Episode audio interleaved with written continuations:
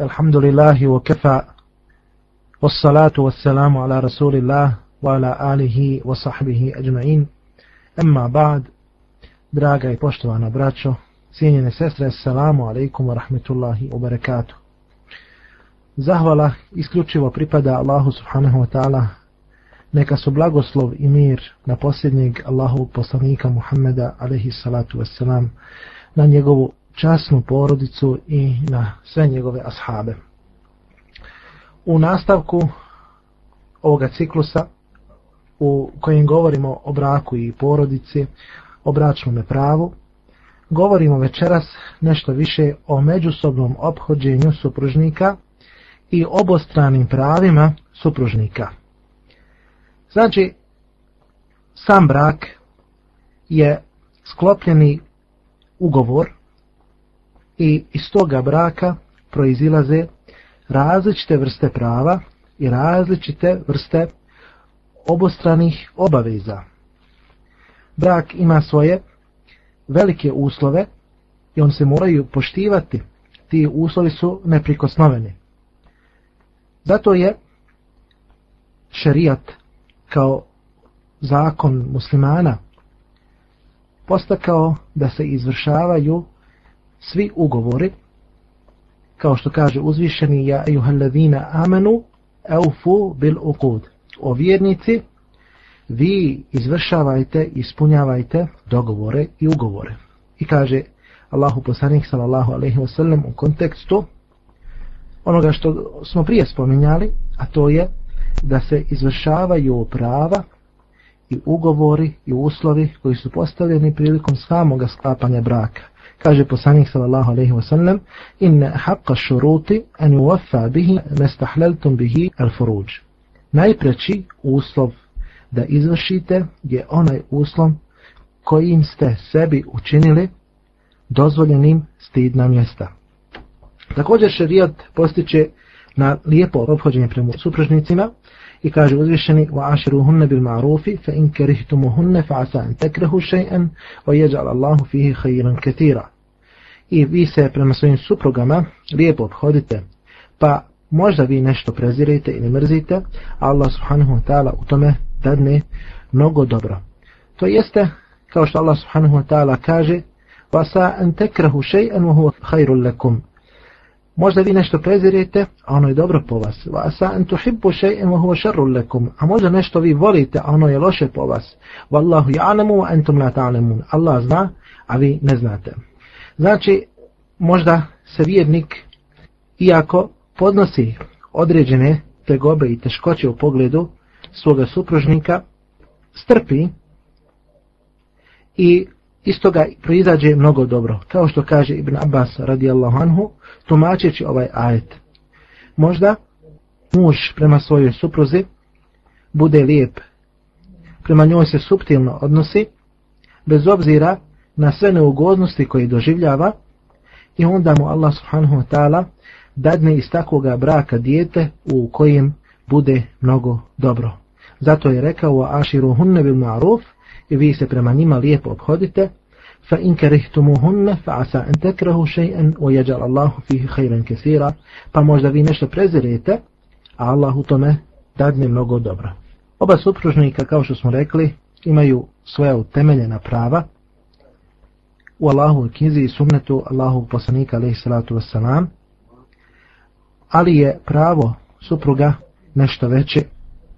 Kao što kaže Allah subhanahu wa ta'ala voli rijali alejhinna daraja i muškarci imaju jedan stepen više. Kaže Ibn Kesir rahimahullahu ta'ala to jest muškarci su odlikovani po svojoj tjelesnoj konstrukciji po stepenu zatim po trošenju na svoje supruge zato što izvršavaju mnoge koristi i dobra i zato što imaju vrijednosti i na dunjalku i na ahiretu što ne znači da žena nema međutim čovjeku je odnosno muškarcu Allah subhanahu wa ta'ala ugradio neke tjelesne i psihičke osobine koje ga odlikuju na ženom. Međutim, u pogledu nagrade su muškarac i žena jednaki pred Allahom subhanahu wa ta'ala. Kaže Allahu poslanik alejhi salatu vesselam: lau kuntu amiran ehadan an jesđude li ehad, da sam ikome naredio da se nekome klanja, la emerton nisa an jesđudne li ezvađehinne lima ja'ala Allahu lahum alejhinne min al haq. Naredio bih ženama da se poklone ili da seždu učine svojim supružnicima, jer je Allah subhanahu wa ta'ala tim supružnicima, odnosno njihovim muževima, dao prava nad njima. Međutim, mi ćemo nešto podrobnije sada reći i napomenuti o pravu žene kod njenog muža. Jedno od prvih tih prava jeste da se lijepo obhodimo prema svojim suprugama tako što ćemo im na vrijeme isplatiti njen vjenčani dar, a to je onaj mehr koji je usaglašen prilikom samoga sklapanja braka. To smo također napominjali prije. Znači, muškarac ne treba da zapostavlja to pravo, niti da ga odugovlači, također dužan je da skrbi svoju ženu, da je hrani, da je oblači, da je obezbijedi mjesto stanovanja onako kako je to poznato određenom društvu i onako kako je to već uobičajeno. Uzvišeni kaže Allah subhanahu wa ta'ala wa ana mavlude lehu rizkuhunne wa kisvetuhunne bil ma'aruf i njihovo dijete se također obskrbljuje i oblači prema onome kako je već poznato u običajima određenih ljudi, odnosno određene nacije ili određenog područja na kojem žive muslimani. Kaže Allahu poslanik sallallahu alejhi ve sellem: kefa bil mar'i ithman an yudayya man yaqut." Dovoljno je čovjeku grijeha da zapostavi one koje hrani. I kaže uzvišeni o samom stanovanju supruge. Nakon razvoda braka, jer je poznato da žena ima poslije rastave braka priček, odnosno iddet, i muškarac je u tom slučaju dužan da je zadrži u svojoj kući dok taj priček ne istekne, bez obzira što je došlo do rastave, odnosno razvrgnuća braka. Kaže uzvišeni, eskinu hunne min hajthu se kentum mi uđdikum, voda to da ruhunne li to dajiku alejhim. Vi njih nastanite tamo gdje i vi stanujete prema svojim mogućnostima i nemojte im štetu nanositi kako bi na takav način svojim ženama pritisak vršili. Allah subhanahu wa ta'ala je obavezao u ovom ajetu, kao što smo rekli, stanovanje za onu ženu koja je puštena, znači da mora priček izvršiti u kući svoga muža, a šta tek reći o onoj ženi koja normalno živi sa svojim mužem i koja živi u normalnim okolnostima. Od lijepih manira ponašanja i obhođenja prema suprugama jeste da se prema njima obraćamo prijazno, izvršavajući ono što je Allahov poslanik alih salatu wasalam radio i preporučivao. Pa je rekao, iste su bin nisa i hajra, fe inne hunne avanun indekum. Vi u pogledu žena preporučujte dobro. Smatrajte žene dobrima, jer su one zatočenice kod vas. Ehaztumu hunne bi emanetillah. Vi ste ih uzeli sa Allahovim amanetom, to jeste Allah je njih dao vama u povjerenje. وَاسْتَحْلَلْتُمْ furuđahunne بِكَلِمَةِ اللَّهِ i vi ste sebi njihova stidna mjesta dozvolili izgovarajući Allahovo ime. Također u lijepo obhođenje prema ženi supruzi spada i da budemo prema njima blagi, da budemo šaljivi sa svojim suprugama, da pazimo na njihova stanja i da pazimo također ukoliko su one slabe. Jer je poslanik sallallahu alaihi wasallam obavijestio da je žena stvorena od krivoga rebra. U lijepo obhođenje prema suprugama spada i to da ih lijepo educiramo, da ih podučavamo, da ih preodgajamo ukoliko supruge ostavljaju ono što je Allah subhanahu wa ta'ala naredio, odnosno što je postavio kao obaveze. da budemo ispravno ljubomorni prema svojim suprugama. Ne da budemo bolesno ljubomorni, nego ispravno ljubomorni, jer kaže Allahu poslanih sallallahu alaihi wa sallam, la jedhulu džennete da jus. U džennet neće ući onaj koji je neljubomoran. Pa se ovdje u komentaru ovog hadisa poslanika sallallahu alaihi wa sallam navoditi Allah subhanahu wa ta'ala neće uvesti u džennet onoga čovjeka koji nije ljubomoran prema svojoj porodici, prema svojim mahremima, prema svojoj supruzi, prema svojim kćerkama, to jeste on dozvoljava da se dešava razvrat u njegovoj porodici. Kaže uzvišeni, ja ejuhalladine amenu ku enfusekum wa ahlikum nara. O vjernici, čuvajte sebe i svoje porodice od vatre. I kaže poslanik sallallahu alaihi wasallam, hajrukum, hajrukum li ahli, wa ana hajrukum li ahli. Najbolji od vas su oni koji su najbolji prema svojim suprugama, prema svojim porodicama, a ja sam najbolji prema svojim suprugama. U drugoj predaji stoji vola fahr, a u tome nema nikakvoga ponosa, nego to je samo istinita konstatacija. Kaže poslanik sallallahu alaihi wa sallam, إذا استيقظ الرجل في الليل وأيقظ امرته فصليا ركعتين كتب من الذاكرين الله كثيرا والذاكرات kada se muškarac probudi noću i onda probudi svoju suprugu, pa oni klanjaju zajedno dva rekata, bit će upisani kod Allaha subhanahu wa ta'ala kao oni koji mnogo spominju Allaha i kao one koji mnogo spominju Allaha subhanahu wa ta'ala, kao što se navodi u hadisu koji prenosi Ebu Davud, An-Nasai, Ibn Mađem.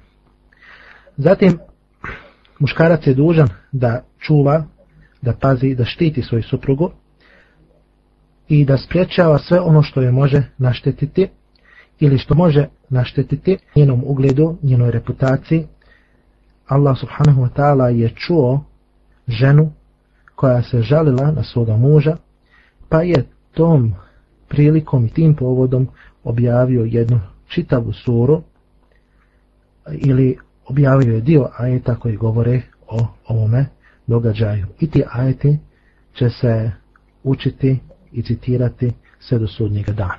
Zatim je u lijepo obhođenje prema suprugama također ubrojano da muškarac ukoliko ima više supruga, poznato je u islamu, da muškarac može imati četiri supruge, kada krene na putovanje, da ne odabire nasumice koju želi sa sobom povesti, ukoliko ih nije u mogućnosti sve povesti, nego da im prepusti da izvlače na sreću.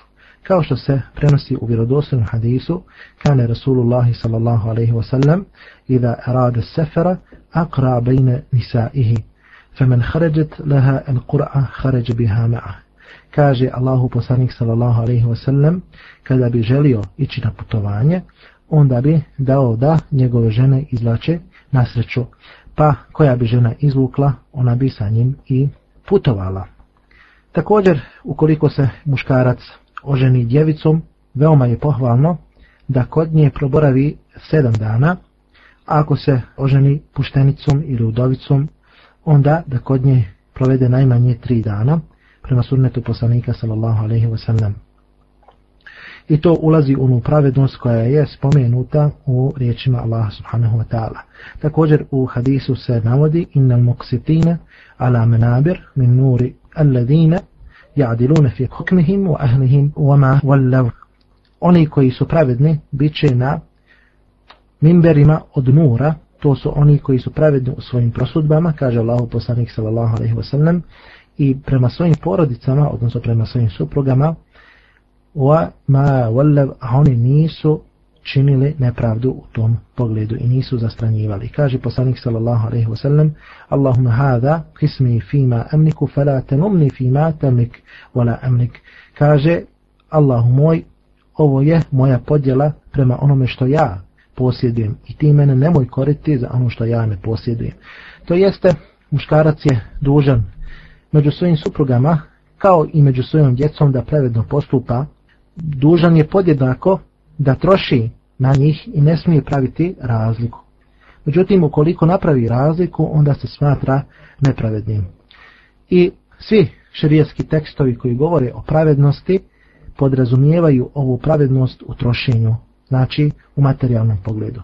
Međutim, čovjek ne može kontrolisati svoju unutrašnju ljubav prema određenoj osobi, pa može više voljeti neku suprugu ili može više voljeti neko svoje dijete. Iz toga razloga muslimanu nije dozvoljeno da pravi razliku među svojim djecom i među svojim suprugama u pogledu samoga trošenja, međutim on ne posjedi u svome srcu način, instrument ili aparat kojim će suzbiti razlikovanje u toj ljubavi. Pa zato Allahu poslanik sallallahu alejhi ve sellem rekao: "Allahumma hada qismi fima amlik." O Allahu moj, ovo je moja podjela prema onome što ja posjedujem i ti mene nemoj koriti za ono što ja ne posjedujem, to jeste nemoj me koriti u ovoj srčanoj ljubavi, jer ja više volim neke u odnosu na druge. Međutim, prave dan sam u onome što se tiče materijalne podjele. Allah subhanahu wa ta'ala najbolje zna. Dobro vreća također od lijepog obhođenja prema našim suprugama jeste da uzmemo jednu vrstu postepenosti prilikom preodgajanja. Zatim, onaj kome žena bude nepokorna, to jeste koji je nepokoran svome mužu, nepokoran je i Allahu subhanahu wa ta'ala. Naime, Allahu poslanik sallallahu alaihi wa sallam kaže La ta'ata li mahlukin fi ma'asijatil khaliq nema pokoravanja stvorenju ukoliko se tim pokoravanjem vrši nepokornost stvoritelju. Znači ukoliko muž ili suprug traži ono što je suprotno Allahove knjizi i sunnetu poslanika sallallahu alaihi wasallam, općenito ono što se suprotstavlja islamu, onda žena u tome nije dužna da mu se pokorava.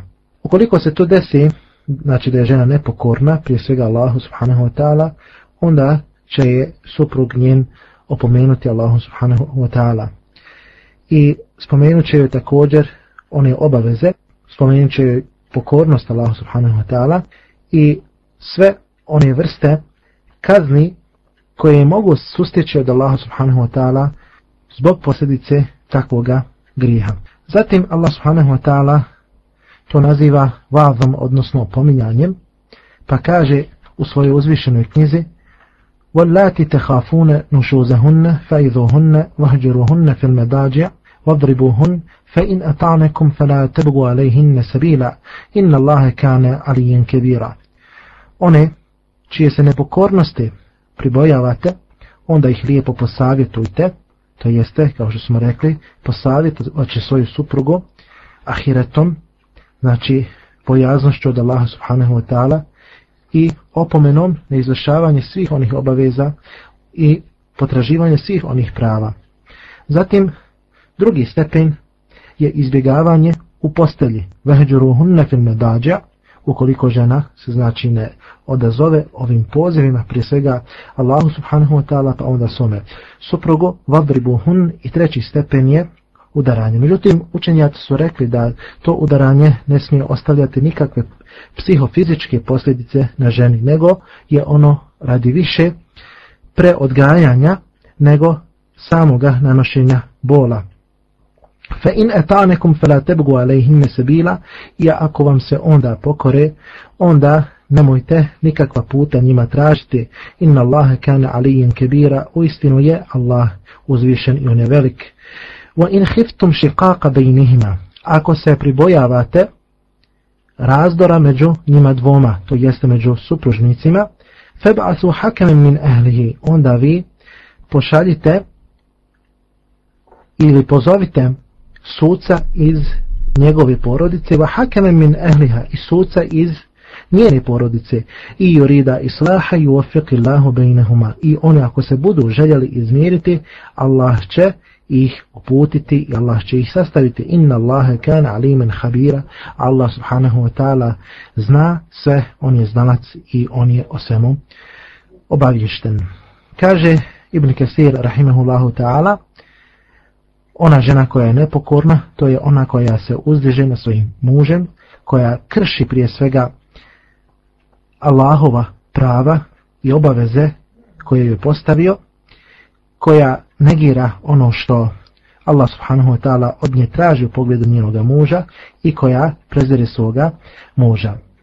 Također u ispravnom hadisu od Hakima ibn Muavije, od njegovog oca se prenosi da je rekao, rekao sam Allahu poslaniće, ma haqqu zauđi ehadina alehi, koja su prava supružnika kod nas, pa je rekao, wala tadribul vajh, i nemoj udarati njena lica, wala tuqabbih, i nemoj prema njoj izražavati ružne riječi, wala tahjur illa fil bayt. i nemoj je kritikovati osim u kući. Znači, kritikovanje ne smije biti osim u kući u krugu porodice. Svakako, uzor jednom muslimanu je Allahu poslanik sallallahu alaihi wasallam koliko iskreno vjeruje u Allaha subhanahu wa ta'ala i poslanika sallallahu alaihi wasallam. On je uzor u svim vrstama obhođenja prema suprugama, kaže Ibn Kesir u svome tefsiru, wa aširu hunne bil ma'ruf, lijepo se prema njima obhodite tako što ćete lijepo se izražavati pred njima. Wa hasinu ef'alekum i vi uljepšajte svoja djela pred njima, pred ženama i uljepšajte svoje izglede pred njima prema svojim mogućnostima, kao što također i žena voli da se muž uljepša njoj. Znači i vi se uljepšajte njima kao što se one vama uljepšavaju. I učini, kaže Ibn Abbas radijallahu anhu, isto ono što i žena čini prema tebi. Kao što kaže uzvišeni, وَلَهُنَّ مِثْلُ الَّذِي عَلَيْهِنَّ بِالْمَعْرُوفِ I njima pripada isto onoliko prava koliko imaju i obaveza. Allahu poslanik alejhi salatu vesselam je rekao khairukum khairukum li ahlihi wa ana khairukum li ahli. Najbolji od vas su oni koji su najbolji prema svojim porodicama, prema svojim suprugama, a ja sam od vas najbolji prema svojim suprugama, odnosno porodicama. Sam Allahu poslanik alejhi salatu vesselam je imao veoma lijepo ponašanje prema svojim suprugama. Bio je uvijek prema njima prijazan, uvijek bi se poigravao sa svojom porodicom, bio bi blag prema njima i uvijek bi im davao i više nego što im je potrebno u pogledu samoga trošenja. Također nasmijavao bi svoje supruge i također utrkivao se sa svojom suprugom Aishom radijallahu anha, tražeći tako njenu prijaznost. Također svoje supruge bi svake noći okupljao u kući jedne od njih, pa bi zajedno jeli, a zatim bi se svaka od njih vratila svojoj kući kada bi klanjali jaciju. Zatim sjetit ćemo se riječi uzvišenog koji kaže da kad kane lekum fi rasulillahi usvetun hasana limen kane jarđu Allahe voli umel ahir wa zekera Allahe kefira. Vi u istinu u Allahom poslaniku imate najbolji uzor za onoga koji se nada susretu sa Allahom i koji se nada sudnjem danu, dolasku na sudnji dan i koji u istinu mnogo Allaha subhanahu wa ta'ala spominje. Zatim, draga braćo, govorimo o obavezama žene. Žena je nakon samoga bračnog ugovora dužna predati se muškarcu kada je on potražuje i sa njom ima pravo da putuje u mjesto iz kojeg inače potječe, osim ako je ona prilikom samoga sklapanja braka uslovila suprotno i nije dozvoljeno ženi da posti na filu, to jeste da dobrovoljno posti ili da klanja ili da dobrovoljno obavlja hađ osim sa dozvolom svoga muža. Zatim zabranjeno je ženi da izlazi osim sa dozvolom svoga muža i pohvalno je također da muž da dozvolu da bi ona mogla obilaziti svoje roditelje, a imam Ahmed Rahimahullahu ta'ala je to posebno naglašavao. Žena mora znati da je muškarac dužan da je izdržava, jer kaže poslanik alaihi salatu wasalam, إذا صلت المرأة خمسها وصامت شهرها وأطاعت زوجها وحفظت فرجها دخلت جنة ربها kada žena klanja pet dnevnih namaza, kada posti mjesec Ramazan, kada se pokorava svome mužu i kada čuva svoje stidno mjesto, ući će u džennet svoga gospodara. U drugoj predaj stoji, kada izvršava ove stvari, onda će joj se reći, uđi na bilo koja džennetska vrata želiš. Allah subhanahu wa ta'ala o izdržavanju i trošenju kaže Rijalu kawamune ala nisai bima faddala Allahu ba'dahum ala ba'din wa bima anfaqu min amwalihim. Muškarci izdržavaju žene zato što je Allah jedne na drugima odlikovao i zato što oni udjeljuju svojih imetaka. Ibn Kathir rahimahullahu ta'ala kaže to jeste muškarac je poglavar ženi. On je njen velikan, on je odgaja ako ona zastrani. Također na ovo ukazuje jedna činjenica da je vjerovjesništvo, da je i kraljevstvo uvijek bilo davano muškarcima bez žena i to u islamu. Znači, poznati su vjerovjesnici i poslanici, oni su bili isključivo muškarci, jer se u vjerodostojnom hadisu od poslanika alaihi salatu wasalam navodi la yufliha qaumun wallaw amrahum imra'atan neće uspjeti narod koji svoje ovlasti prepusti nekoj ženi. Također, prema onome što je uobičajeno, žena je dužna da služi svome mužu i također time izvršava ono što je Allah subhanahu wa ta'ala naređuje, time štiti sama sebe, štiti svoju čast, a kada štiti svoju čast, štiti i čast svoga muža Time čuva i njegov imetak, kaže Allah subhanahu wa ta'ala, فَالصَّالِحَاتُ قَانِتَاتٌ حَافِذَاتُ لِلْغَيْبِ بِمَا حَفِذَ اللَّهِ One dobre žene su pokorne Allah subhanahu wa ta'ala i kada su njihovi muževi odsutni, one čuvaju njihove časti i njihove imetke prema onome što Allah subhanahu wa ta'ala stavio u obavezu. Također, Allahu poslanik sallallahu alaihi ve sellem kaže Hayrun nisa'i allati nazarte ilaiha sarratk. Kaže, najbolja žena je ona koju kada pogledaš, ona te obraduje. To jeste vlastita žena, odnosno žena s kojom si stupio u bračni odnos. Wa idha amartaha ata'atk. Kaže, a kada je nešto narediš, ona ti se pokori. Wa idha gibta anha hafizatke fi nafsiha wa malik. I kaže, kada si ti odsutan, ona te čuva u pogledu same sebe, to jeste u pogledu svoje časti, time čuva i tvoju čast i također čuvate u pogledu tvoga imetka. Također Allahu poslanik alejhi salatu vesselam kaže: "Wal mar'atu ra'iyatun fi bayti zawjiha wa hiya mas'ulatun an ra'iyatiha." Žena je čuvarica u svojoj kući, u kući svoga muža i ona će biti odgovorna za ono što čuva. Naime, Allahu poslanik alejhi salatu vesselam govori: "Kullukum ra'in wa kullukum mas'ulun an ra'iyatihi." Svaki od vas nešto čuva, i svako od vas će biti odgovoran za ono što čuva.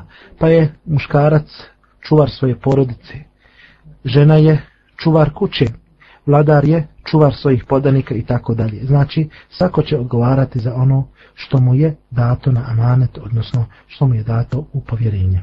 Na kraju ćemo još spomenuti jednu korist koju navodi šehhul Islam ibn Taymije, koji kaže ispravno je ono na čemu je većina ispravnih prethodnika, to jeste mišljenje, koje kaže da samim sklapanjem ugovora postaje obaveza ono što ovaj ugovor, to je zbračni ugovor, nalaže, a prije svega to je trošenje, to je spolni odnos, to je mjesto stanovanja za ženu i kaže šehol Islam bin Taymiye, ispravno je da to nije posebno određeno i precizirano, nego se to vraća na običaj i na potrebe. Zatim, na to ukazuje Allahova knjiga, kada uzvišeni kaže وَلَهُنَّ مِثْلُ الَّذِي عَلَيْهِنَّ بِالْمَعْرُوفِ i njima pripada isto onoliko prava koliko imaju i obaveza prema onome što je uobičajeno. Također u sunnetu se navodi da je Allahom poslaniku sallallahu alaihi wasallam došla Hind koja je požala se Allahom poslaniku sallallahu alaihi wasallam da njen suprug Ebu Sufjan njoj ne daje dovoljno imetka onoliko koliko je potrebno njoj i njenom djetetu. Pa je Allahu poslanik sallallahu alaihi wasallam rekao hudi ma je kfiki u voledeki bil ma'ruf. Uzmi onoliko koliko ti je dovoljno i uzmi koliko je dovoljno tvome djetetu onako kako je to već u običaju. I ukoliko dođe do sporenja, kaže šihul islam ibn Taymiye, između supružnika u pogledu samoga trošenja, onda će vlast odrediti onako kako im dolikuje i koliko im je potrebno.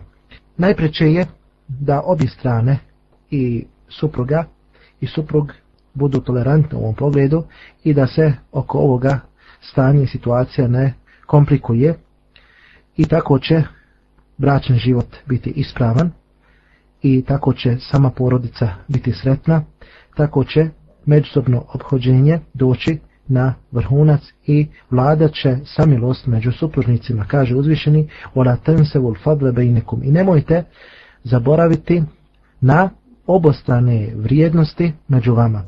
I kaže Allah subhanahu wa ta'ala sulhu khair i pomirenje je najbolje. Allah subhanahu wa ta'ala najbolje zna.